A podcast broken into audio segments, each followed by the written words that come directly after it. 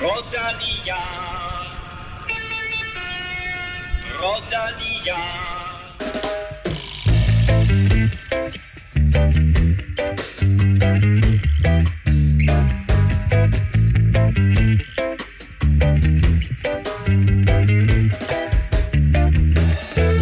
Udenfor er det gråt. Solen forsøger forgæves at kaste sine gule stråler, men på landevejene, der er det rødt og hvidt.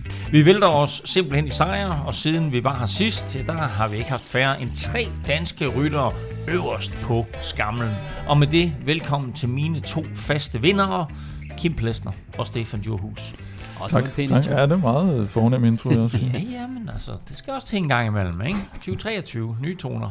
Uh, med far for at gentage mig selv, Stefan. Uh, sikkert en start, øh, de danske rytter har fået på sæsonen. Ja, det var helt vildt. Altså, jeg tror ikke, vi kunne have drømt om en, en bedre start. Og så kommer de der sejre også fra en lidt anden vinkel, end vi måske har været vant til at se over de sidste par år. Øh, Kasper P., øh, der vinder sit altså en, en sejr for, øh, for Lotto øh, Quickstep. Ej, jeg skal stadig lige holde tungen i munden for Sudal. at sige det rigtigt. Sudal Quickstep. Sudal Quickstep. øhm, at det, og det havde vi jo næsten set komme, ikke? Men, men super fedt, at, øh, at, at han får en sejr der, og øh, Skjelmose, der øh, blev afhængig af, af, af at køre først over stregen, og, og tager sin anden professionelle sejr, godt nok, altså første gang han kører over stregen, øh, så, øh, så har Andreas Kron jo også været øh, storkørende i øh, Jaén Classic og Ruta del Sol, og så selvfølgelig Magnus Korts øh, dobbeltsejr øh, kommer vi også øh, ind på lidt senere.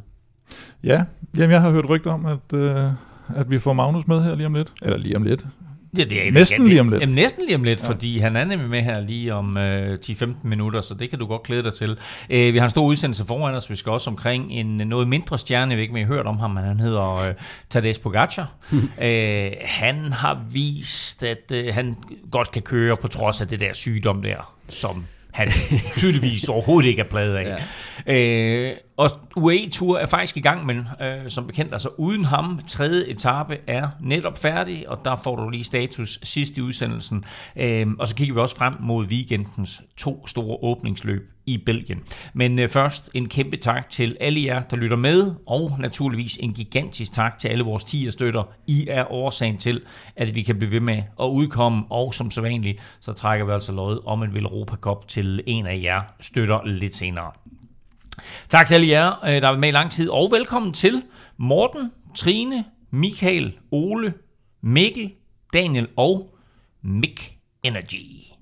det er det, der står. Og øh, til dig, der, der sidder derude og mangler at tage din første føring, så er måske lige nu faktisk et godt tidspunkt at hoppe på vognen, øh, som Kim vil løftsløre for lidt senere, så er det jo faktisk først i den her weekend, at cykelsæsonen den sådan for alvor begynder. Det er nu. Og det kunne også være en god mulighed for dig til at komme med som støtte på Velropa Podcast. Dermed så sikrer du, at vi ikke ender øh, på øh, Podimo bag en eller anden betalingsmur eller, eller, eller lignende. Mit navn er Claus Elming. Du lytter til Velropa Podcast, præsenteret i samarbejde med Hello Fresh, der har et nyt og lækkert tilbud til dig senere i dag. Men vi lægger ud med en dansk sejr.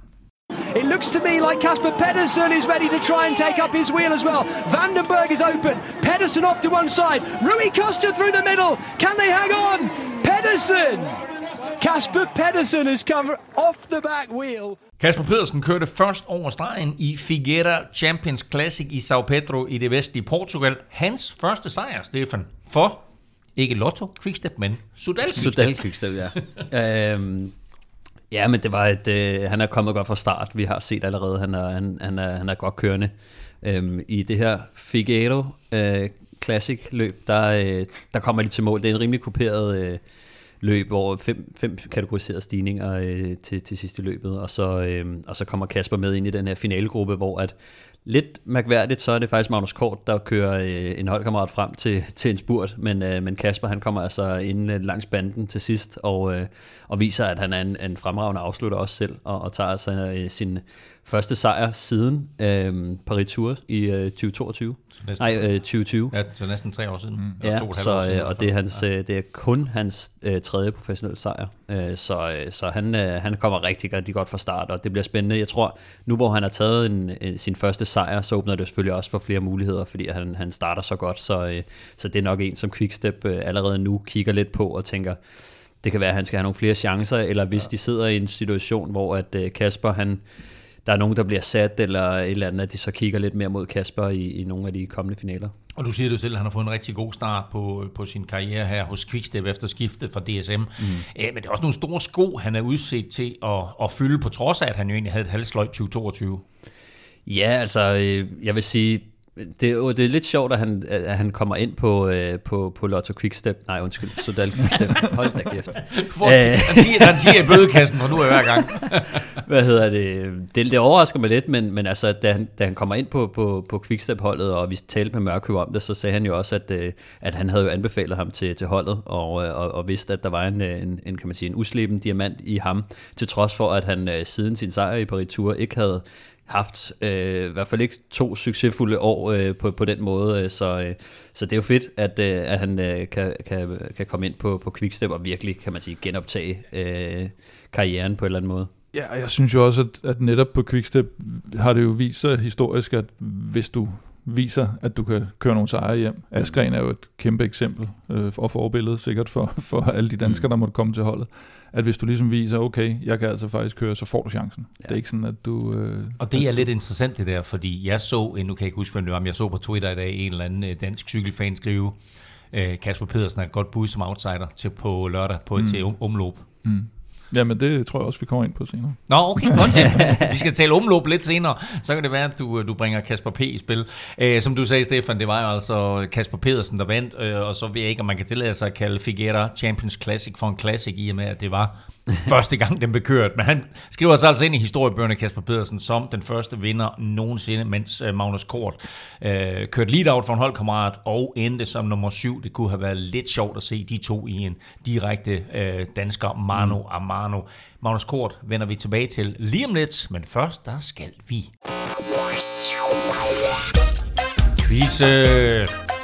Og efter tre udsendelser, der har vi jo øh, i gang i en drabedyst. Det står 2-1 til Kim, og øh, vi springer lynhurtigt ud i det. Øh, jeg ved, I forbereder jer øh, på quizzen. Det er jo øh, blevet sådan, så I, I jo efterhånden begynder at grænske min hjerne og se, hvad kan han finde på. Og ganske rigtigt, jeg stiller et spørgsmål til UAE-tur.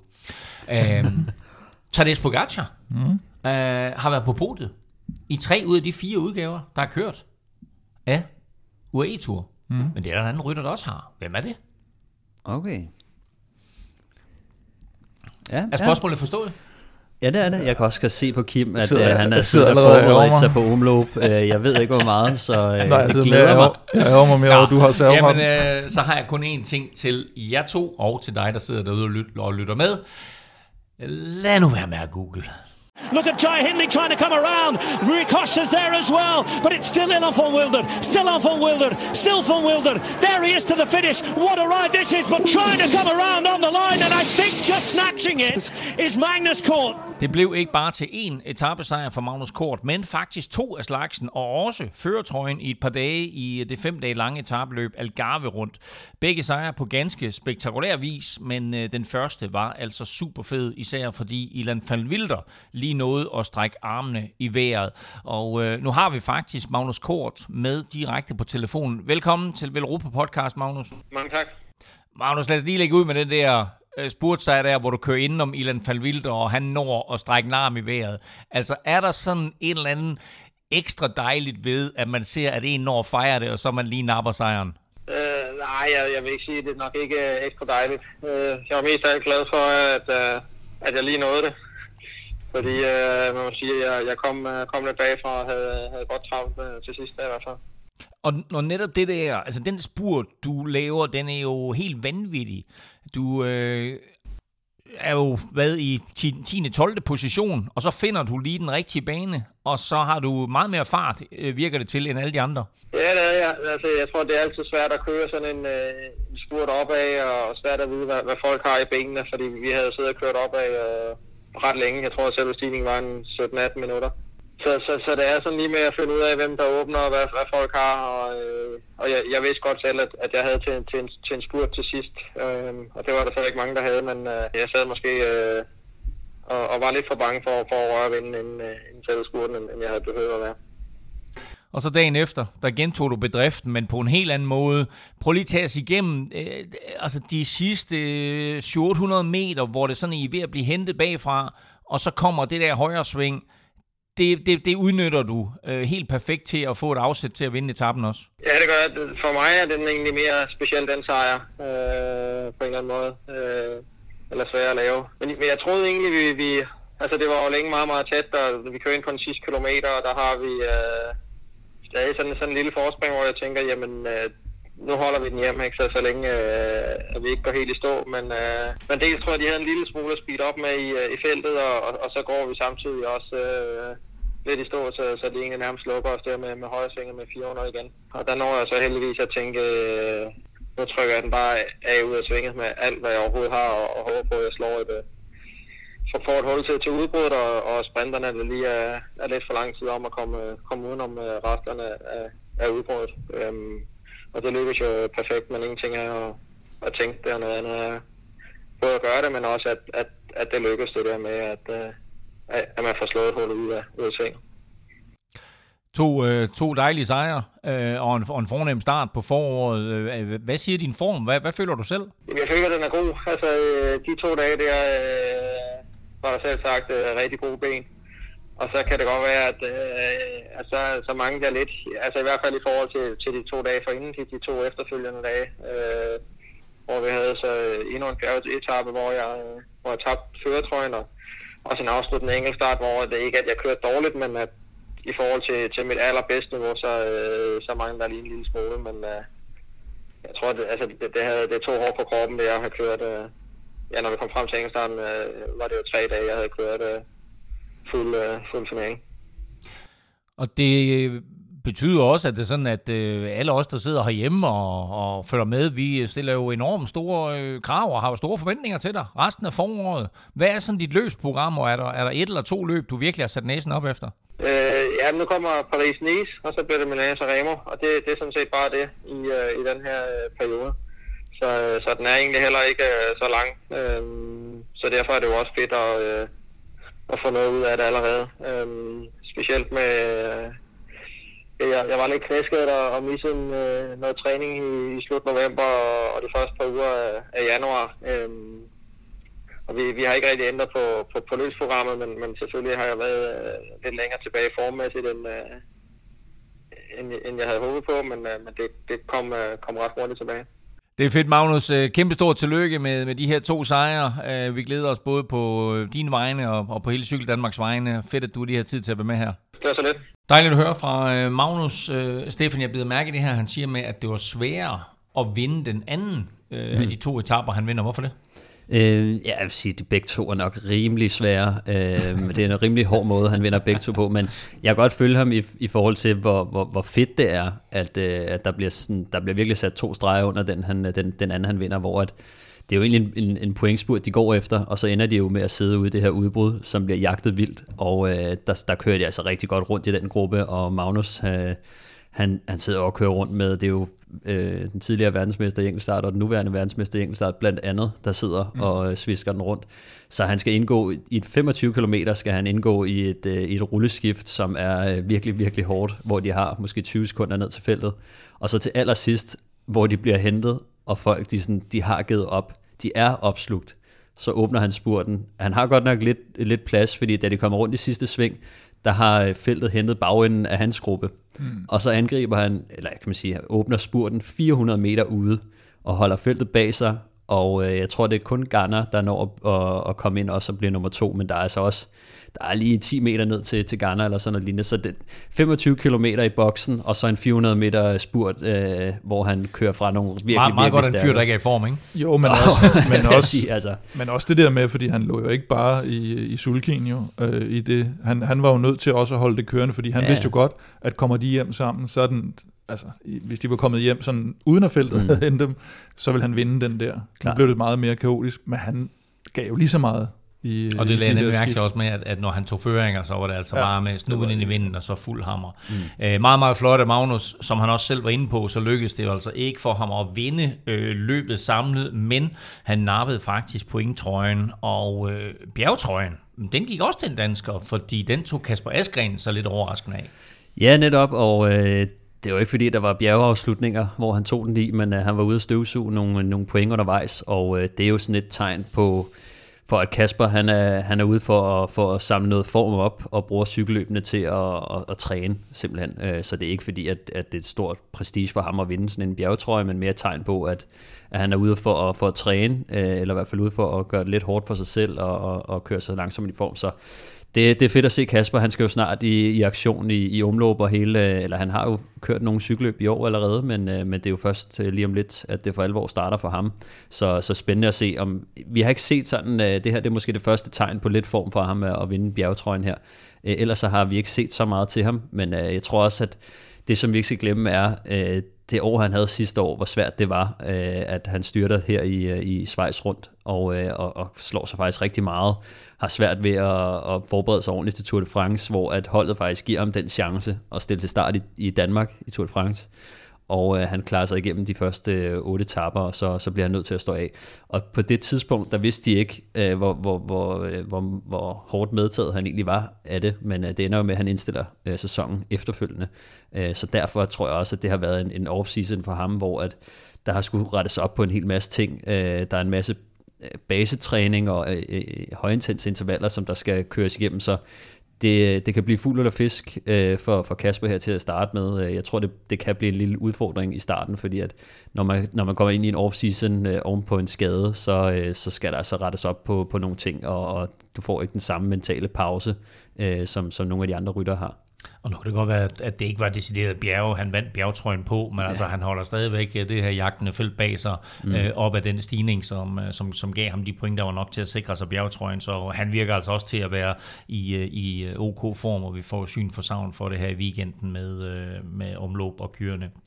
Det var nogle flotte danske dage, øh, og resultater i Portugal, og det fejrer vi med at uddele en kop, fordi vi skal nemlig have fundet dagens vinder af en Velropa Cup, og vil du deltage i lodtrækningen, så er det jo som altid ganske nemt at være med, og samtidig støtte os på tier.dk. Beløbet er valgfrit, og du donerer hver gang vi udgiver en ny podcast, og når du så donerer, så deltager du altså løbende i lodtrækningen om en kop, og senere på sæsonen også andre fede præmier. Stefan, du har trukket en vinder. Det har jeg, og øh, jeg er glad for, at, at, at øh, det her navn endelig kommer op. Øh, ikke fordi jeg kender øh, personen, men jeg kunne bare se, at han har støttet øh, siden øh, august 2019, så det er en af de helt øh, early mm. days, øh, at, at, at han er tilmeldt. Og vinderen hedder øh, Thomas Seiner. Sådan. Tror jeg, det er. Jamen ja. fedt, Thomas. Tusind tak, fordi du støtter, og uh, tillykke med din nye Velropa Cup. Og uh, husk, at vi jo for alle vores lodtrækninger gør det på den måde, at for hver femmer, du donerer, der får du et lod i puljen, så jo større beløb, flere lodder, og dermed altså større chance for at vinde. Du finder link både på velropa.dk og på tier.dk, så gå ind og støt nu og vær med i konkurrencen allerede i næste udsendelse. Mange tak for støtten til alle, og naturligvis stort tillykke til Thomas med din nye kop. Qui pour s'imposer, est-ce que le maillot blanc va tenir Mathias Kelmose avait pris des secondes de bonification un peu plus tôt dans l'étape, il va en prendre 10 ici, avec la victoire d'étape. À Anti pour Mathias Kelmose, lequel final Tre danske sejre, og så tror jeg, at vi tre vi tænkte, fedt, så har vi da noget at tale om. Men uh, Mathias Kelmose, han tænkte, det skal være løgn. Det skal ikke være en Villeuropa podcast uden jer med os.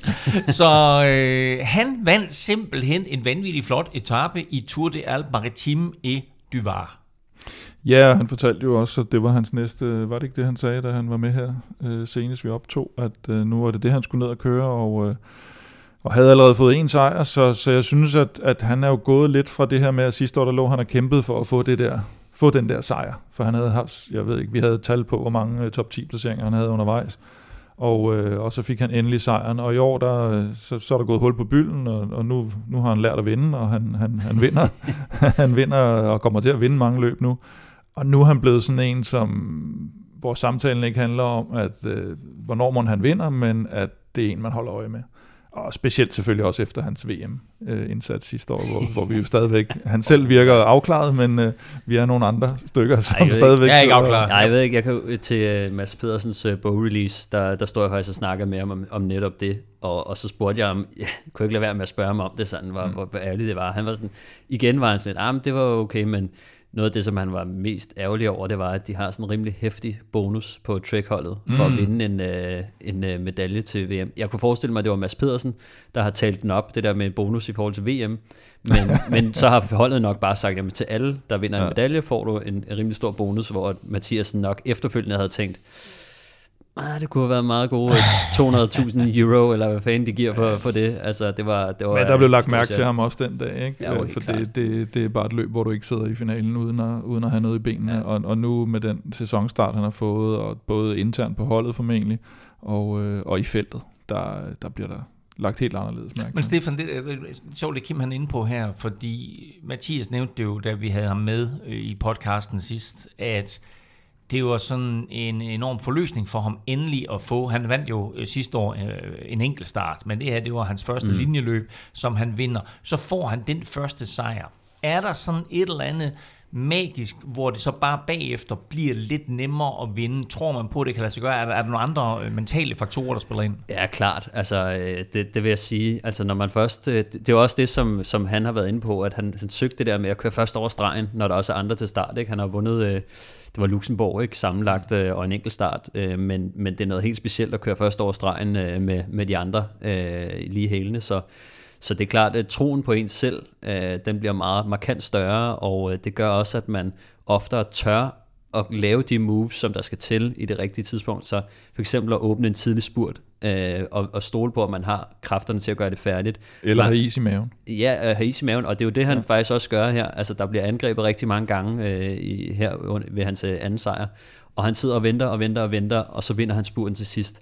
Og det, det er sådan noget, der gør, altså sådan, den måde, han, han positionerer sig frem til spurten, fordi han ved, jeg har vundet et cykelløb, jeg er i god form, jeg kan også godt vinde i dag. Så respekten, man, man får, men også det, at man tager positionerne på den måde, man gør. Altså, øh, så, så hele det der mentale game, som det er mange gange også, at positionere sig frem og ture og åbne sin spurt øh, på de rigtige tidspunkter og sådan noget.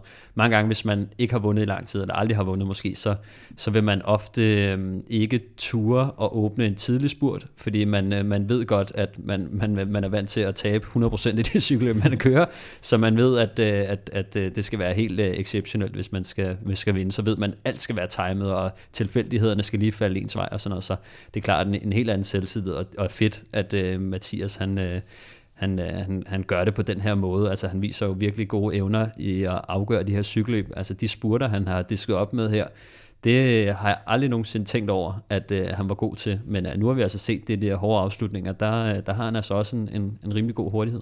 Det er rigtig, rigtig spændende at, at, at følge ham. Han øh, misser jo igen skamlen, kan man sige, på trods af at det her løb, det er kun øh, er på tre etaper, hvor han vinder den ene og bliver nummer to på den anden, så lykkes det ham jo faktisk ikke at komme i top 3. Nej, desværre ikke. Altså, øhm, han, øhm, på første etape, der er der jo en, øh, en, en øh, gruppe, en firmandsgruppe, der, der stikker afsted på, på sidste stigning, hvor han lige misser momentet der, og de, det er jo så dem, der ender med at køre hjem og, og tage den samlede sejr. De, har, de kører, det er, øhm, hvad hedder de, Kevin Vacalin, den unge øh, franskmand, sammen med Nelson Paulus, Kevin Genitz, jeg har, hvordan siger jeg det? Genit, tror jeg. Schnitz, øh, og ham her Aurelien Paré-Pindre, øh, som er de fire mand, der, der kører hjem. Og, Ved du hvad, jeg tror, vi skal bruge nogle af vores 10 penge på at give Stefan et fransk kursus. Jeg siger ikke noget mere, efter jeg sagde pros- prosciutto sidste gang. Om, øh, om, skinke. det var så pinligt, mand. Jeg, var, jeg, spiste faktisk, lige- jeg spiste faktisk sammen med Volny i går. Han bragte også prosciutto op. Han sagde, Ja, hvad fanden sker der for Kim? Godt forestille mig, at jeg ikke lå den Så ligge. sidder jeg der med, med, med Volny og hans italienske familie og siger, skal du have lidt prosciutto?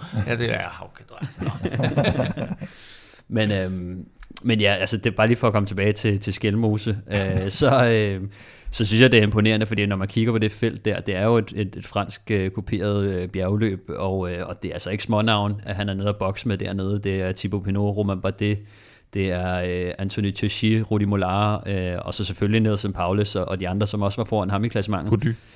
Gody blandt andet. Altså, det, det er nogle af de navne, øh, og det er ikke nemt at komme til Frankrig og, og så brage igennem dernede, fordi at alle de franske hold, de er sat så meget på de franske løb, naturligvis. Øh, de kender dem, og, øh, og de kører aggressivt og stiller, stiller stærkt op, så, så det, er, det, det er et kæmpestort resultat, øh, synes jeg, for, for Mathias Hjelmose, selvom det på papiret måske anses som et mindre fransk løb, øh, så, så synes jeg, når man kigger på nogle af de navne, som han, han slår dernede, så, så det er det altså top notch. Og så tager vi lige en øh, hurtig nyhedsrunde her, og vi lægger ud med manden, der har meldt afbud til UAE-ture øh, med et maveonde, mm-hmm. angiveligt. Øhm, men skal vi konkludere, at Tadej Pogacar han ikke har ondt i benene? Ja, det er jo helt vildt. Altså, hans start på sæsonen, altså, det er jo fuldstændig en anden verden. Uh, og som vi snakkede om sidst, uh, maveonde uh, og... Uh, ja, ja. Uh, han stillede ikke op til UAE Tour, fordi han har haft noget maveonde, noget sygdom i kroppen, og derfor så havde de ændret hans løbsprogram lidt. Uh, og så starter han jo lige det her Rein uh, Classic, det, det lidt spanske Strade Bianche løb, mm. hvor han bare kører solo langt udefra og, og holder, alle, uh, holder alle langt væk. Ikke? Og så... Uh, så kommer han ned til Ruta del Sol, hvor han vinder tre ud af fem etaper, samlet selvfølgelig. Øh, og de to etaper, som han ikke vinder, den ene vinder hans holdkammerat Tim Wellens, og den anden, der er det Alessandro Covi, mm. der er tæt på at vinde, han bliver toer. Men i, på begge de etapper vil jeg øh, lave casen og sige, hvis han var grådig, så kunne han have nappet alle ja. fem. Altså, øh, men... Vi talte faktisk, eller jeg talte i dag også med, med en af mine kolleger om, at hvornår det sidste var en, der havde vundet alle etapper i et uh, etabeløb. og uh, tænkte om det kunne være en quiz i dag, det var det så ikke. Øh, så, Hvad er det sket? Ja, det er det så, så, så, så er det sådan et Kan I huske det? Det er, det er mens vi har lavet podcast. Nå, jamen der var... Ah, men snakker du ikke om et, øh, et, et hold så, der vandt alle etaperne? Nej. En enkelt rytter? Ja. Så er det Remco i et eller andet. Arnaud Demar 2018 i det der oh, ja. Potu, øh, jeg kan ikke udtale det, det har det latterligt, det der Mads P. Der. også har vundet. Men prøv lige at udtale det alligevel. Nej, det vil jeg ikke. Potu? Jeg kan simpelthen ikke huske det. Nå, det var imponerende. Fem etapper og samlet. Nej, jeg troede ellers, du ville sige gengæld... tre dage ved pande. til gengæld vil jeg lige sige, at jeg så i dag, at Pogacar har med lavbud til Strade Bianche, som han jo ellers er forsvarende mester i.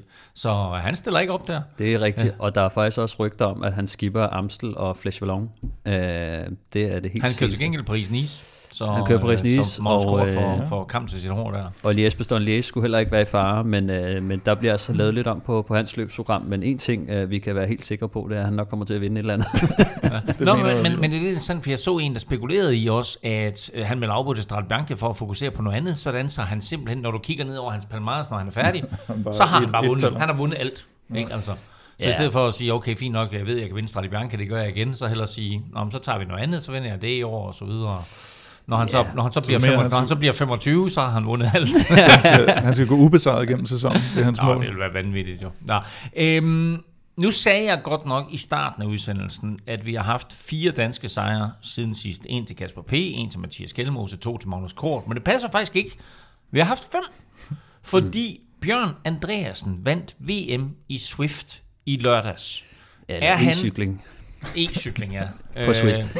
på, ja, ja, men altså, øh, altså Jay Vine øh, vandt og fik en kontrakt og en verdensstjerne nu. Mm. Øh, sker det samme for Bjørn Andreasen? Øh, lige umiddelbart så tvivler jeg på det, øh, og det er med al ære og respekt. Øh, der er lang vej til, øh, til at lave det samme som Jay Vine. Øh, Jay Vine er også den eneste, tror jeg, som, øh, som har vundet noget, som er blevet til noget stort. Altså, det er ikke, fordi han er den eneste, der har været god til e-cykling, som, øh, som også har været god på landevejen, men, øh, men der, der er lidt langt øh, op til at, til at lave en, en Jay Vine, vil jeg sige. Øhm, først og fremmest så er det jo ikke i øh, VM i e-cykling, det er jo UCI, der har oprettet det her VM. Øhm, der, hvor der er en kontrakt på højkant, det er det, der hedder øh, Swift Academy, øh, som i finalen har de jo, kan man sige. Mm. Og de gør det jo selvfølgelig med, øh, med øh, Alpecin øh, som, som, de at, som de sponsorerer for. Ja. Så jeg kunne godt forestille mig, ja, nu er det kun gætteri, men at, øh, at i det sponsorat, at de så smider øh, 250.000 i for en øh, minimumskontrakt, mm. øh, sådan så at, at holdet i bund og grund får en gratis rytter, som de kan prøve lidt af. Men, øhm, men i forhold til, til Bjørn Andreasen, så synes jeg, at altså, det, han viser jo helt klart et stort talent i forhold til at producere øh, mange watt øh, per kilo øh, over kortere distancer. Og det passer måske også lidt bedre til en mand som ham. Han er jo mountainbike-rytter, øh, og jeg tror, hans bedste resultat er, at han blev nummer syv til, til DM i, i mountainbike øh, sidste år. Øh, så, øh, så altså en, en 21-årig øh, talent på mountainbike med meget begrænset erfaring i, øh, i landevej, godt nok. Øh, og der synes jeg, hvis man lige holder det op mod Jay Vine, så havde han altså produceret nogle resultater på landevejen. Han havde åbnet UCI på en kontoen, han havde øh, kørt øh, Herald Sun Tour, hvor han blev fem og samlet, hvor han kører op med, mm. med rytter som Nelson Paulus, øh, Adam Yates, øh, altså nogle af de her gutter. Så han havde allerede kørt nogle cykelløb og vist, at han kunne, øh, kunne være med i, i, kan man sige, godt nok nogle af de mindre øh, UCI-løb, men, øh, men han havde landevejserfaring, som, som har sat ham op til at, at være, øh, kan man sige, ikke nok med, at han er, han er, han er mega stærk og god bjergrytter, men, øh, men øh, ja, det, det, han, var, han havde allerede den erfaring. Ja, ja jeg markerede lige, fordi øh, nu, nu har vi jo, nu talte vi om Volny, og vi har måske nogle fodboldfans også, der sidder og lytter med, så når du siger 250.000 øh, som minimumsløn, så er det danske kroner jo. Ja. Øh, dem, der sidder og ser sådan nogle transferrygter på fodbold, de tænker nok, det er euros eller, eller noget, men det, det, nej, det er nok der omkring, det, det formentlig stadigvæk ligger, tænker jeg. Ja, måske lidt under, og så øh, selvfølgelig, hvis for en World Tour-kontrakt er det højere, øh, men der, der, der er vi nok lige oppe i små 300.000 ikke, mm. for en minimumskontrakt, så... Øh, så, men altså, det, det bliver spændende. Det, lad, os, lad os prøve at se, hvis han nu øh, vinder øh, Swift Academy, øh, så, så kunne han nok godt få en, res, øh, en, kontrakt, fordi det er ligesom aftalen, ikke? Øh, mm. men, men det er ikke her nu. Jeg så godt, at øh, der var nogle medier, øh, kan man sige, der havde dækket de her, som, som også spekuleret i det, og han vist selv havde sagt, at øh, Alpecin var der velkommen til at ringe. men altså, det, jeg tror, at der, der er stadig lang vej, og jeg tror også, altså det er ikke bare fordi, at man vinder e-cyklings øh, VM, øh, at man bliver en god landevejsrytter, og på samme måde kan man sige det omvendt, at, at der er nogle landevejsryttere, øh, Victor Kampenarts var blandt andet med til VM her, og blev skivet rimelig tidligt, Øhm, og så spekulerer man lidt i, om, om kan landevejsrytter egentlig også køre, øh, køre Swift ordentligt, og det, det tror jeg godt, man kan. Men altså, det, det, den, den anden vej tror jeg er sværere at gå fra e-cykling til at være en god landevejsrytter. Bjørn Andreasen, du er verdensmester. Jeg vil bare sige det på den måde. Vi holder øje med dig, og vi forventer mindst to etappesejre i Vueltaen til næste år. Aftensmad. Stressende indkøb i ulvetimen. Ingen tid til et hjemmelavet måltid. Med Hello Fresh er oplevelsen anderledes. Du får enkle opskrifter og lækre retter, som hele middagsbordet elsker. Skræddersy din måltidskasse på hellofresh.dk for friskende enkelt. Nu skal du lytte godt efter, især hvis du ikke har prøvet HelloFresh før, for i denne uge, og kun i den her uge, har vi et helt unikt tilbud til dig. Nu kan du prøve fem måltidskasser, det er altså over en måned, hvor aftensmåltid er sikret næsten hver dag, og det kan du med den største rabat, vi nogensinde har kunne tilbyde. Du sparer, hold fast, 1.153 kroner. Du kan faktisk også, hvis du har været tidligere kunde, bruge koden, øh, som altså hedder Fresh Velropa. Den kan du bruge, hvis du øh, ikke har været kunde hos HelloFresh i de seneste tre måneder. Så gå ind på hellofresh.dk og benyt koden FRESH Europa. Og boys, jeg ved, at I begge fik leveret i går. Jeg fik leveret mandag. Øh, Stefan, lad du mærke til faktisk, at der nu er flere opskrifter at vælge imellem. Øhm, nej, det gør jeg ikke, men det er jeg glad for at høre. Jeg kan så øh, fortælle dig, at de har, de har øget med fem og ekstra opskrifter hver uge fra 18 mm-hmm. til 23. Det er fedt, øh, og det synes jeg også er fedt ved det, det er, at de skifter jo lidt ud i de der øh, retter undervejs, øh, så man kører ikke helt øh, død i det samme, og, så er der lidt for enhver smag. Øh, der, er nogen, der, der er lidt for nogle af dem, der godt kan lide halloumi, øh, som mig, og så er der nogen øh, som dig, som... Øh, jeg kan også godt lide halloumi. Nå, okay. Nå, jeg troede ikke, du var, du jo, var så jo, meget jo, jeg, jeg bestiller det bare ikke så tit. Mm-hmm. Der er ikke noget mod ja, okay. det. Nej, men prøv altså, jeg varierer og prøver mad fra alle mulige forskellige køkkener. Jeg synes, det er super sjovt at eksperimentere mm. og vælge nogle retter, som man ikke nødvendigvis vil vælge, og så øh, blive overrasket øh, og inspireret til også at lave noget bedre mad selv. Ja, men yeah. det, jeg, jeg, har jo, jeg har jo også røget på øh, den cremede perlekuskus. Det må, uh, det må jeg indrømme. uh, den havde jeg nok heller ikke set for mig, at, uh, at jeg, at jeg skulle spise den. Men så jeg glæder mig også til, uh, jeg har, jeg har, den, jeg har laksesandwichen. Kold, oh, koldrød laks. Oh, med, med, den har jeg faktisk ikke prøvet. Den, den har, den har du aldrig prøvet den? Nej, den har jeg ikke prøvet. Den er god. Men, også til en frokost, ikke? Ja, og altså en af dem, som jeg øh, fik her forleden, det var den der pandestegte ostefritter Ja, jeg, jeg, nu, jeg tør jo ikke at udtale noget øh, overhovedet. Men det var altså også god. Men det er også noget med noget halloumi og noget gulerod og noget, så smider man det på panden, og så bliver det sådan en lille øh, frikadelle-agtigt, øh, som man spiser sammen med salat. Så der er, øh, ja, det, det er virkelig god. Og så har man, øh, det er noget med noget kålblanding og nogle peanuts på, og så er der koriander, som man kan smide direkte i skraldespanden. Og så... Øh, der, der er nogen, der kan lide koriander, der er andre, der ikke kan lide. Jeg, jeg ja, elsker det, det for eksempel. Så, ja. øh, prøv at høre. Kanon tilbud det her. Øh, gå ind på HelloFresh og benyt koden FRESH Europa. Så får du altså over 1100 kroner i rabat på dine første fem måltidskasser. Og husk, at du må meget, meget gerne dele det her tilbud med venner og familie.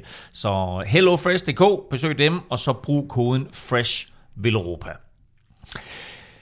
Det kan godt være, at uh, Tour Down Under og uh, UAE Tour uh, sådan uh, officielt har åbnet World Touren i år, mm. men Kim, som jeg sagde lidt i starten, så ved jeg, mm. at for dig, der begynder cykelsæsonen.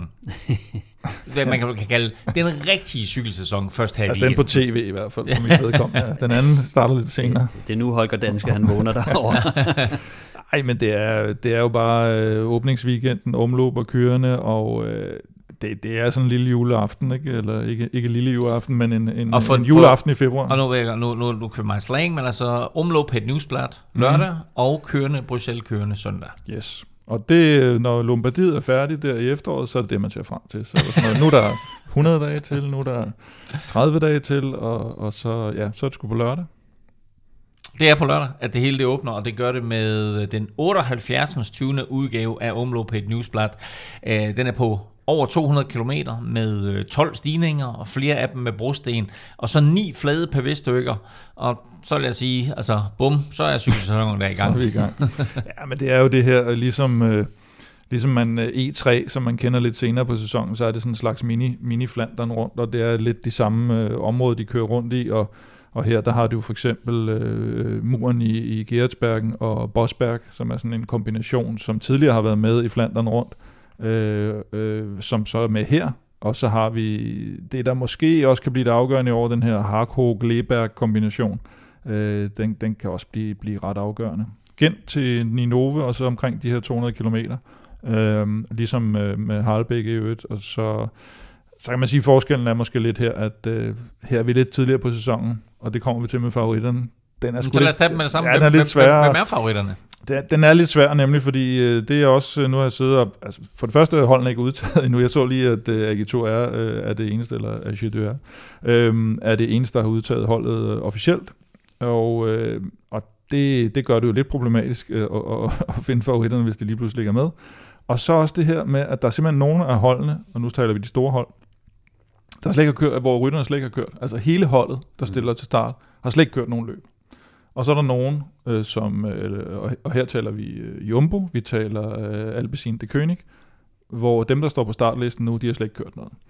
De kommer direkte fra træningslejr, de kommer måske fra højdetræningslejr, hvorimod øh, Quickstep og øh, hvem er det mere, vi har? Øh, Ineos, også et stort hold. De har været ude at Jeg har køre. hørt om dem. Kasper P., øh, Pitcock, som vi har nævnt. Ikke? Så, øh, så Ties Benoit, øh, Christophe Laporte, Van Højdung, Dylan van Barle, vanvittigt hold, men de har ikke kørt noget i år. Så, så at sige, hvem de kører for, og hvad lige deres form er, det, det er sådan lidt svært, ikke? Øh, Jasper Philipsen, Søren Krav på, på det König.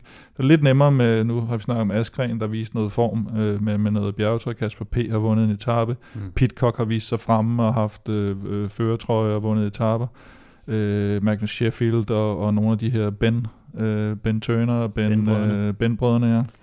Øh, så så det, det er jo to forskellige indgangsvinkler, og det synes jeg er meget sjovt for de, for de store hold, at, øh, at det er så forskelligt den måde, man, øh, man lægger op til, til lige præcis det her løb. Andre, du vil nævne?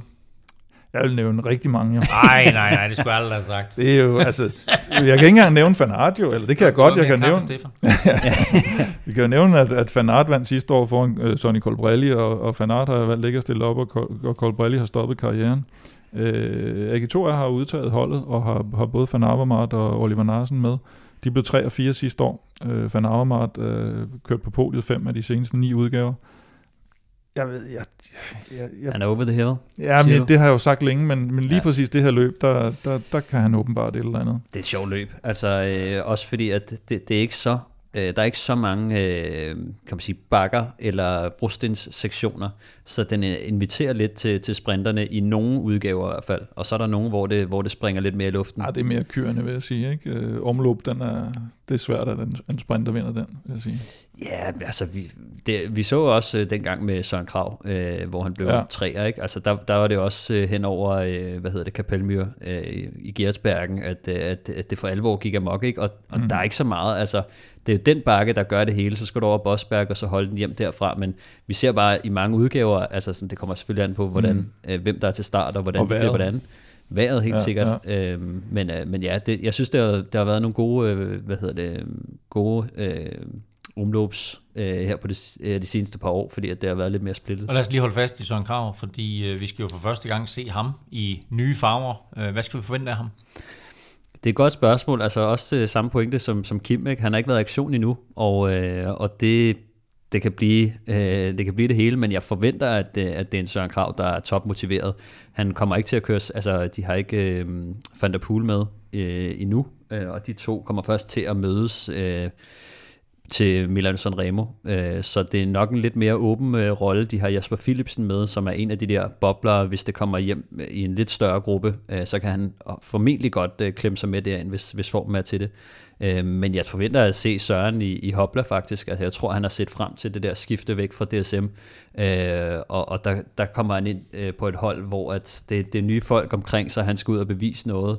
Øh, han er endelig kommet videre øh, fra, øh, fra det her øh, DSM-hold, som, som han var groet lidt fast i. Han havde været der i mange år, men altså, jeg, jeg tror også, at altså, vi, der, nok ikke, der blev ikke blevet lagt skjul på, at, at der har været visse ting, som ikke har spillet så godt for ham, og som har gik ud over hans motivation, og nogle gange også øh, udtalelse til, til cykelløb og så videre. Ikke? Så øh, han, øh, han gjorde det i øh, 2020, hvor han blev træer i, i omløb. Øh, som det første øh, løb på sæsonen. Så øh, jeg forventer lidt at se en, en, en Søren Krav, der, øh, der er virkelig motiveret. Jeg tror også, det der med at køre sammen med Van der Poel har været sådan en motivationsfaktor til ham, fordi hvis man skal, hvis man skal gå ind i, indgå et partnerskab med sådan en som ham, så skal man med også køre stærkt.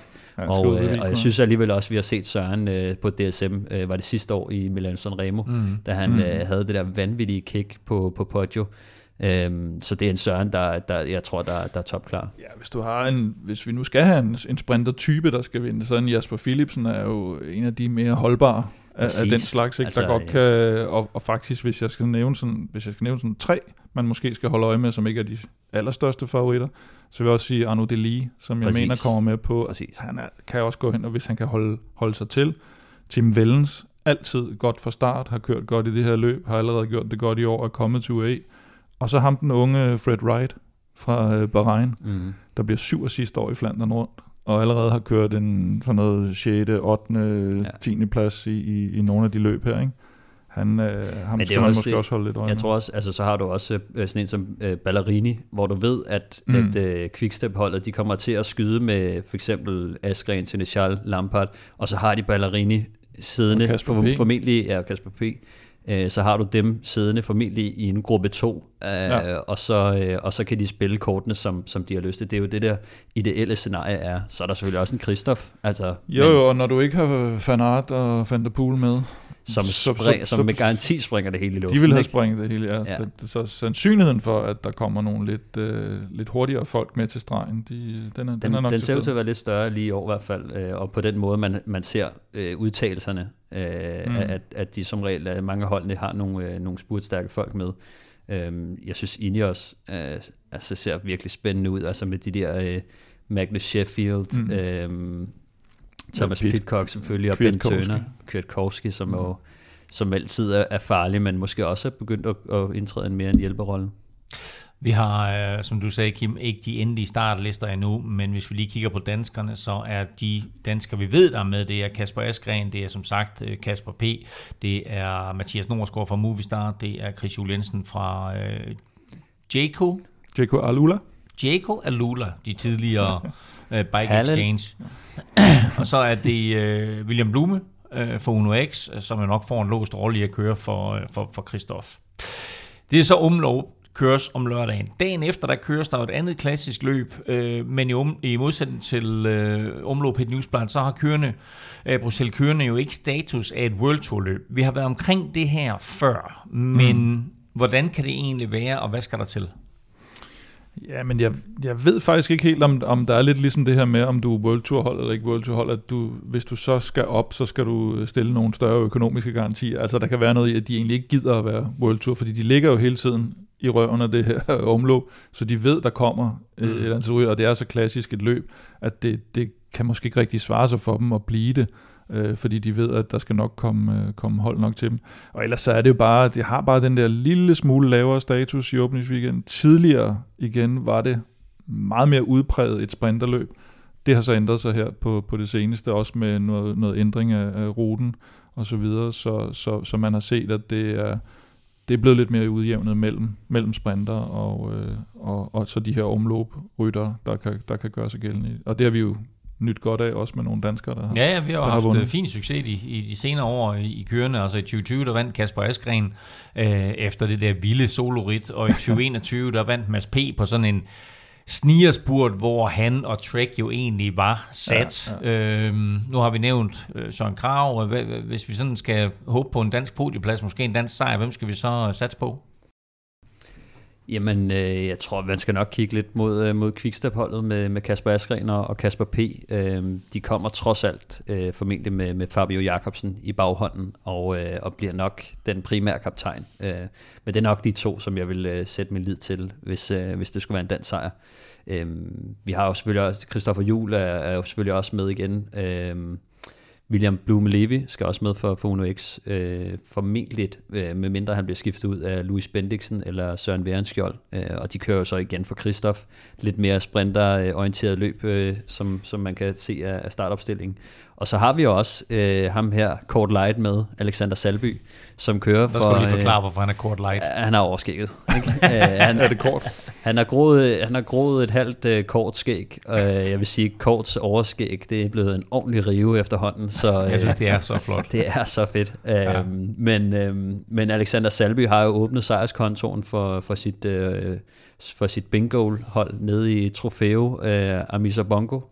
Øhm, måske ikke det største løb, men hey, altså, han, har, han, har, han har vundet en, en professionel UCI-sejr, Ja, ja. og som jeg, som jeg husker, altså som jeg husker, om han har virkelig et, et kick i en spurt, og sådan en lille kanonkugle af en sprinter, så øh, kommer han i nærheden af en samlet spurt, øh, så tror jeg godt, vi kunne se en, en top 10 fra ham, hvis ikke han er fuldstændig balleret. Jeg tror også, noget af det, som han har været hans udfordring, som, som man ser for mange sprinter, det er at være god nok til at komme med hjem til en spurt, uden at være sidde bagerst i feltet. Altså, det er jo også mm. en stor ting. Altså noget som blandt andet øh, Frederik Rodenberg, som jeg har snakket med ham om nogle gange, med at han trænede ikke sin spurt, han trænede alt andet, fordi han sagde, "I- spurten er ikke noget problem. Det er at komme hjem til spurten, der er mit problem. Øh, og, og det gør så, at hvis han, hvis han forhåbentlig i år øh, får fikset det problem, øh, så, øh, så er han altså lynhurtig. Men jeg tror, at det er lidt på samme måde, jeg ser Alexander Salby, er, at han er super hurtig på stregen, men, men det der niveau til at sidde med til stregen øh, i en god position og kunne åbne sin spurt, det, er, det, det bliver udfordringen, også i det her løb. I nævnte Fabio Jacobsen som øh, mm. en af de favoritter, øh, en af de internationale sprinter favoritter. Hvem er sådan de andre store favoritter? Ja, men netop Fabio Jacobsen og David Dækker er nogle af dem, der kommer med i, i anden dags gildet her i forhold til om, om, øh, om lørdagen. Og så er der nogen, der går igen, som måske ikke har så stor chance lørdag, som har større chance søndag. Hvis vi bliver ved Bahrein-holdet, hvor jeg jo nævnte Fred Wright før til om lørdagen, så øh, ham her, Jonathan Milan, øh, den store, den store Uh, ja. sprinter der, han, øh, han kan altså også godt gå hen og blive lidt småfarlig, hvis, hvis formen er til stede. Øh, Pascal Ackermann, min øh, lille favorit, er også med øh, om, øh, øh, eller er, med begge dage formentlig, men har, har klart størst chance øh, om søndagen. Omlop, Hit Newsblad, officiel start i Kims cykelsæson. Ja, i, bare lige for, at vi ikke misser den fuldstændig. Har du sagt Jasper Støjven? Ja, han var med blandt øh, en masse. Jeg har heller ikke nævnt Sagan og Nej, nej, jeg alle synes mulige bare andre, lige... men Støjven har, ja, han har vundet begge løb faktisk. lad os bare lige smide Støjven med i puljen, sådan Ja, ja, så at vi ikke ser så dumme ud, øh, hvis han vinder. Jo, men jeg kan, jeg kan sagtens, øh, vi kan sagtens nævne en øh, 60-70. Ej, ja, ja, Du må ikke, du må ikke, du må ikke begynde at på det der, fordi så... Tidligere vinder kan vi tage med. Støjven har jo faktisk en af de få, der har vundet begge to. Ja. Øh, både kørende og, øh, og omløb. Og, øh, og så har vi jo Stibar, der vandt i 2019 i omløb. Han er Vi færdig, har, ligesom øh, Van Avermaet. Van, Ar- og Van, Van Marke har vundet tidligere også, øh, og vandt jo i 12 foran Bonen, øh, og Bonen har Ja, tak. aldrig vundet. Omlop Hit Yes. Newsblad køres lørdag, og det er med start kl. 11.15, og kørende Bruxelles kørende, som uh, tradition byder, søndag med start en time senere kl. 12.15. Fra uh, to endagsløb, der skal køres, til et etabeløb, der er i fuld gang, nemlig UAE-tur.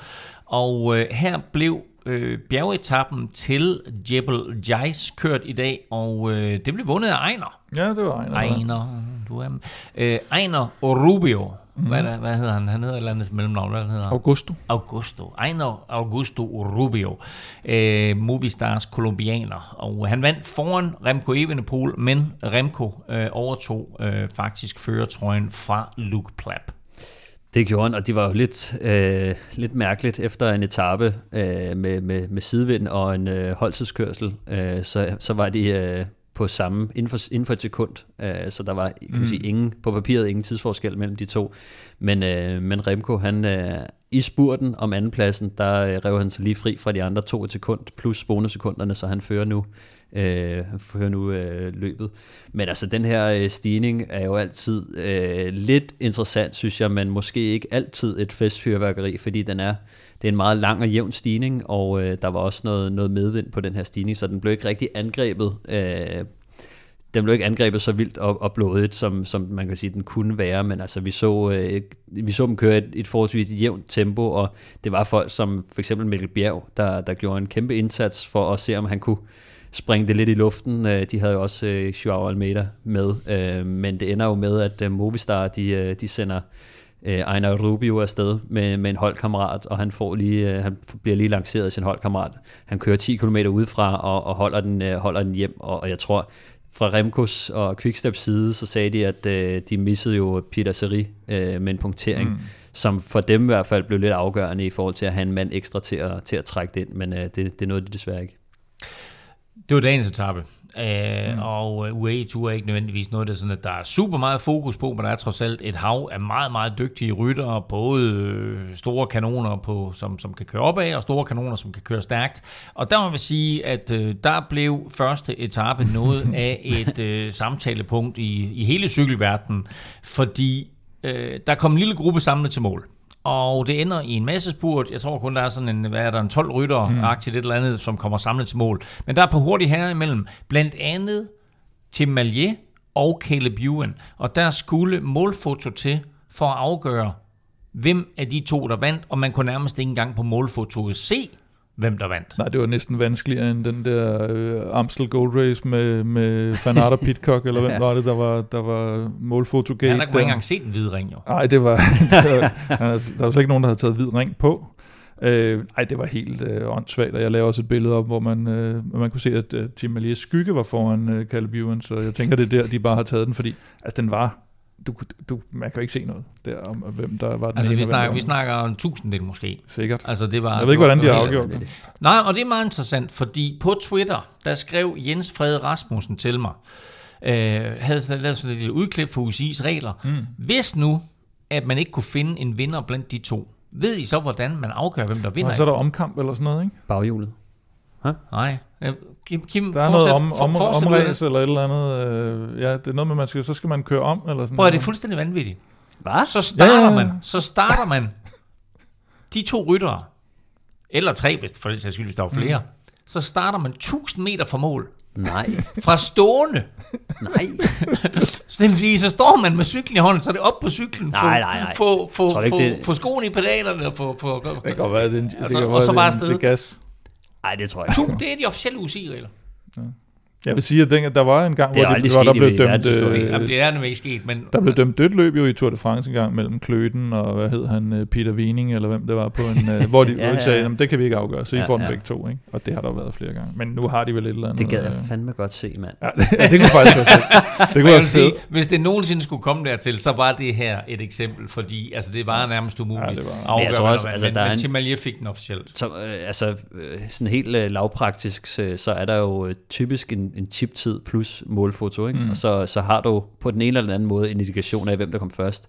Men jeg har blandt andet prøvet at tabe en spurt, øh, fordi min chip den sad højere på forgaflen, øh, og det, den er stensikker. Altså, det, det var derfor. Ja, altså, ja, ja, det det, er det, rigtigt. det, det, har du tænkt meget over. Helt sikkert, ja. Men, øh, men, det, Men, ja. det er, da- men det er da egentlig en god pointe, at det er sådan, at hvis, din, altså hvis forgaflen bukker nedad, Det gør ikke? den, ja. altså, så skal du bare sætte den så langt ud som muligt. Jamen det, og det er, ikke, det er uden pis. Jeg vandt en spurt, og så, øh, og så ham, jeg vandt den over, vi var begge to enige om, det var mig, der vandt den. Hans chip, den sad helt nede i bunden af forgaflen, ja. min sad oppe i toppen, og så havde jeg tabt på sådan noget, en tusindel, altså også sådan der minimalt, og så står vi oppe i dommervognen, og jeg kan slet ikke være i mig selv. Og fordi så vender han på en tallerken, og så siger han, ah, men jeg tror faktisk, at, øh, og så, altså, jeg blev rasende, kan jeg huske. Store spørgsmål her er jo, lagde du en 50'er? Nej, jeg lagde ikke. Ja, ja, nej, jeg lagde ikke 50'er, men vi, vi, vi, snakker, vi kommer op i dommerovnen. Vi blev inviteret indenfor øh, til, til en snak. Afgørelsen her var selvfølgelig fuldstændig vanvittig, men etappen Ja, blev jo, altså alt blev eksploderet i atomer helt fra begyndelsen. Ja, fra starten jo. Ja. Det, og Remco var lidt en arkitekt på den, ikke? Øh, Og vil, vil ud over stepperne. Altså, og, Mange af sprinterne, Ja. ja. de, de sidder altså også med frem, og det kan de altså også godt finde ud af, det der med positionskamp og, og sidde, på, sidde med på viften og bare mm. fyre den af, det, der er sprinterne altså også øh, vilde nok, og det var nærmest lige fra startfløjtet, ikke? Øh, Når, når man starter sådan en sidevindsetappe, og alle ved, mm. at det er langt lige landevej og sidevind direkte ind, øh, så er det altså bare med at komme ud over stepperne, fordi at det, det er kill or be killed derude. Så, øh, så det, det, det er fedt at se i nogle af det der cykelløb, når de har det der lange lige stræk. ja, noget af det fedeste, det er jo det der, hvor der kommer nogen på bagkant, og så skal de forsøge at lukke de der Ja, huller op ja, øh, det ene mand. så svært, Altså. Og nogen opgiver, og nogle andre klarer det rigtig fint. Så det, det, det er fedt at se. Men altså, jeg vil også sige, øh, jeg holdt rigtig meget øje med Cavendish, øh, fordi jeg er så simpelthen så spændt på at se ham i, øh, i, i, i Astana-trøjen, og han klarede det rigtig fint igennem. Altså, han var med i front hele tiden, sammen med Case Boll, og øh, da de kører ind til finalen, øh, der sidder det jo faktisk øh, rigtig, rigtig godt. Øh, og så kommer øh, Bert van Lerberge øh, sammen med Tim Allier, og de swooper lige rundt om i det sidste bløde sving. Øh, og så er, det, så er det altså Tim Allier, der har øh, bedste position, Caleb Ewan på hjul, og så kommer Cavendish øh, først ind derefter. Og, øh, og de ender jo selvfølgelig med, at det, det er Malier og, og Caleb Ewan, der, der vinder, men jeg synes, man kan se Cavendish, han er i form. Altså, mm. han sidder med i fronten af sådan en sidevindsstævn hele dagen, og han har en spurt, han bliver træer på etappen, men uh, det er altså ikke, det er en mand, der ikke er, er skidt i år, og, og det der med, med Tour de France-rekorden, det ser realistisk ud, fordi uh, sådan en vild etape at sidde i front, der skal altså noget til, så, så det er en god start for, for Cavendish. Jo, Jeg glæder mig til at se, om han kan vinde en etape. Og Astana har også set bedre ud. De så også bedre ud på holdtidskørselen nede i, i UAE. Mm. Øh, nær, har nærmest allerede i år lavet mere, end de lavede hele sidste år. Ikke? Ja, ja, det er det, det, er det der Det, er det var første etape, vi gennemgik. Så anden etape, Kim, som du lige sagde, var en holdtidskørsel. Den vandt Quickstep faktisk også. Øh, Malier kom dog ind 38 sekunder mm. efter sine holdkammerater, så derfor så dumpede han altså ned fra førstepladsen til 9. pladsen. Ja, de kørte den meget taktisk jo med, med Ballier og så netop øh, Van Leerberge, der, der slog ud med ja, lige omkring en kilometer til mål. Mm. Og så brugte de de folk op, de skulle bruge, og så kørte de de sidste fire ind over stregen, og så vandt de lige nøjagtigt foran øh, EF. EF, mm. som igen, altså EF har bare har Det er mest vindende hold og sådan noget. øh, I, Ja, og enkeltstarter synes jeg også, de er altså, blevet bedre og bedre til. Og, og deres altså, hold er ikke på papiret, var ikke en skid. Altså, når man rytter, rytter for rytter var de, var de ikke noget jo, men, øh, ja. men de har øh, nogle, nogle udmærkede Cannondale-cykler, og, og så har de, har de bare den der med, at når du kommer godt fra start, så spreder der sig den der vindermentalitet hele vejen rundt. Mm. Og den, øh, den har de glæder af lige nu. Stefan arresterer fire etaper, øh, tre flade her torsdag, fredag, lørdag, og så øh, øh, den afgørende øh, tur op af øh, Jebel Khafid på søndag. Det gør der, altså øh, det bliver jo formentlig et par sprinteropgør, øh, forhåbentlig øh, noget, noget mere sidevind, øh, men, men formentlig nogle sprinterafgørelser, øh, som, som venter, så det synes jeg, jeg glæder mig bare til at se nogle af de der sprinteropgør noget mere. Altså vi har... Øh, vi har nogle af de bedste sprinter med dernede, og jeg, jeg har mit Cavendish øh, Watch klar. Øh, jeg synes, det er, det er virkelig spændende, men ellers så bliver det jo en kamp mellem, formentlig mellem Remco og, og den unge Luke Plap, øh, mm. og så Pello Bilbao, som, øh, som også var en af dem, som, øh, som sad godt med på, på den første sidevindsetappe. Og jeg tror også, altså hvis der er nogen, der skal prøve at køre sig frem i klassementet, så skal de prøve, hvis der er lidt sidevind. Øh, og det kommer der jo nok til at være. så, øh, så, så jeg forventer at se lidt flere øh, sidevindsangreb, hvor at øh, hvor der er nogen, der kan prøve at hente det der lille minut, øh, som de andre har taget på dem. Øh, måske kan de få fanget Bilbao eller Luke Plap, øh, men jeg synes, Luke Plap har virkelig set, set godt ud. Remco er, får du ikke sat. Øh, Bilbao er også en snedig rytter, men kan man måske godt øh, fange på, på baghjulet eller på bagkant der, så men ellers så, øh, så synes jeg også, at vi har rigtig mange danskere med dernede, som jeg håber, vi, vi får lidt at se fra. Øh, Fuglsang og, og Mads Wirtz er med for, for Israel. Fuglsang, han blev godt nok sat forholdsvis tidligt på den her øh, øh, Jebel øh, Shais Shais, øh, stigning, øh, som ikke var et super godt tegn. Øh, vi har øh, Johan Prise Pejdersen med fra Bahrain, Julius Hansen fra Intermarché, øh, Tobias, øh, Tobias Lund, øh, som desværre er udgået Ja, udgået øh, af allerede sygdom. på grund af sygdom. Øh, Frederik Rodenberg øh, er også med fra DSM, og han er jo også en af de sprinter, som meget gerne må, øh, må vise sig lidt frem i, i top 10 øh, i, i nogle af de spurter, som, så, som der forhåbentlig kommer. Asbjørn Hellemose er med for Trek, Mikkel Bjerg fra UAE, og så ikke mindst til Sebastian Changisi fra Tudor, øh, som også er en hurtig afslutter, og måske kan, kan blande sig i, i nogle af de her sidevinds- øh, eller spurtafgørelser. Og øh, den bedste dansker lige nu er øh, faktisk Asbjørn Hellemose. Han er 2 minutter 16 efter Remco Evenepoel, øh, der fører. Øh, Remco har 7 sekunder ned til Luke Plap, og så altså med Pello Bilbao på tredjepladsen. Ikke mere snak om alle mulige cykelløb. Nu skal vi have afgjort det virkelig vigtige, nemlig dagens quiz. Mm-hmm. Og øh, Stefan, det er dig, der har serveretten. Du er bagud 2-1. Spørgsmålet var simpelt. Tadej Pogacar har været på podiet tre gange i UAE-ture, men hvilken anden rytter har også det? Vil du svare, eller vil du lade Kim svare? Den tager jeg. Den tager du, ja tak. Ja. Ja, det, øh, der er en øh, britte, tror jeg, som har gjort det. Ja. Og øh, han hedder Yates. Adam, for at være mere præcis. Oh, jeg skulle lige spørge, så er spørgsmålet, om du rammer den rigtige af dem. Nå, Jeg tror, det er Adam. Ja, hvorfor tror du det? Jeg ved i hvert fald, at han har vundet, og han er sådan en type, der, øh, der, der kører det ofte. Ikke? Så øh, Ja, jeg han, vandt, øh, han vandt første år, og så blev han to, år, to år efter, gjorde han ikke? De to andre? Eller sådan Faktisk, faktisk vandt Primus Roglic den Nå. allerførste udgave. Primus Roglic mm. vandt i 19, så vandt Adam Yates i 20, og så har Tadej Pogacar vundet de to seneste udgaver. Men i de to udgaver, som Pogacar han vandt, der er Adam Yates blevet toer. Mm. Så Nå. det er fuldstændig korrekt. sådan. Så Så øh, Adam meget- Yates var meget, Meget nemt spørgsmål. meget nemt spørgsmål. Han er jo også, øh, han er også med i år, men øh, er jo sat lidt tilbage allerede nu. Du skal slet ikke spørge mig om, hvad jeg skulle... øh, Nej, nej, nej, det var Du havde det, Simon. Yates skulle du have gættet. Ja, Altså, det, jeg vil være, jeg vil ryste lidt i bukserne. bud? Ja, Adam Yates. okay, nå. Jamen, det, prøv at Jeg høre. kun det ene bud. Jeg siger jo bare, det er godt, at I er så skarpe. Ja, ikke? nej, det altså, det er jo meget, meget imponerende. Jeg, var, jeg havde aldrig gættet på Adam Yates. Men jeg synes, det er fint, Nå, vi kører den sådan lidt. Øh, Så det er så godt, kommer jeg foran på et svært spørgsmål, så får Stefan et nemt, så han kan udligne, og så kommer jeg foran på et svært spørgsmål, og så får Stefan nemt, så han kan udligne. spørgsmål. Og så, har vi, så står det lige til sidst. Jeg tror, jeg tror, vi alle sammen er enige om, det, det spørgsmål, du kom foran på i sidste uge, det var meget, meget nemt. Ja, tak. Prøv høre, du får et Ja, okay. mega svært spørgsmål i næste uge, fordi sikkert. der er vi tilbage mig. med Velropa Podcast, og det er vi, når vi kigger tilbage på den belgiske åbningsweekend, og også lige runder UAE-tur af, og så selvfølgelig kigger frem mod vores allesammens nye darling, nemlig øh, It- Italiens øh, tæt, tæt, tæt, tæt på monument, kan vi vel kalde det, ja. øh, Strade Bianche. Hvis du vil vinde en Velropa Cup, så er det ganske nemt. Hop ind og støt os på tier.dk, og ved du ikke, hvad du skal lytte til nu, må jeg så anbefale NFL-showet, hvor undertegnet sammen med Thomas Kvartrup tirsdag rundede Super Bowl og NFL-sæsonen af. Det var da ikke de der øh, grønne, der vandt, var det? De grønne, de vandt ikke. Nej, okay. Er, kender vi nogen, der er fan af Eagles? Nej, jeg har ikke hørt. Jeg tænker ikke, der er nogen Stefan, i Danmark. kender der- nogen, der er Eagles-fans? Nej. Jeg, jeg har været Eagles-fan i meget lang tid, Ja. og øh, var meget Hvordan gik det i øh, Super Bowl? Ja, det, gik, det gik faktisk ret godt, Det langt stykke hen ad vejen. det gik godt i første halvleg. Det gik rigtig godt i første halvleg. Nå, indtil vi høres ved igen, der kan du følge Kim og Velropa på Twitter. Det sker på Snablag Velropa. Stefan finder du på Snablag Stefan Djurhus. Og undertegnet finder du på Twitter, Insta og Facebook på Snablag NF Elming. Tak for nu. Tak fordi du lyttede med. Tak til vores støtter på tier.dk. Uden jer, ingen Velropa podcast. Og tak til vores partner, Hello Fresh. Støt dem, de støtter os, og husk den nye kode, der kun gælder i den her uge, Fresh Velropa.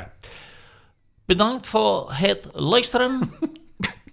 Fijn fits weekend.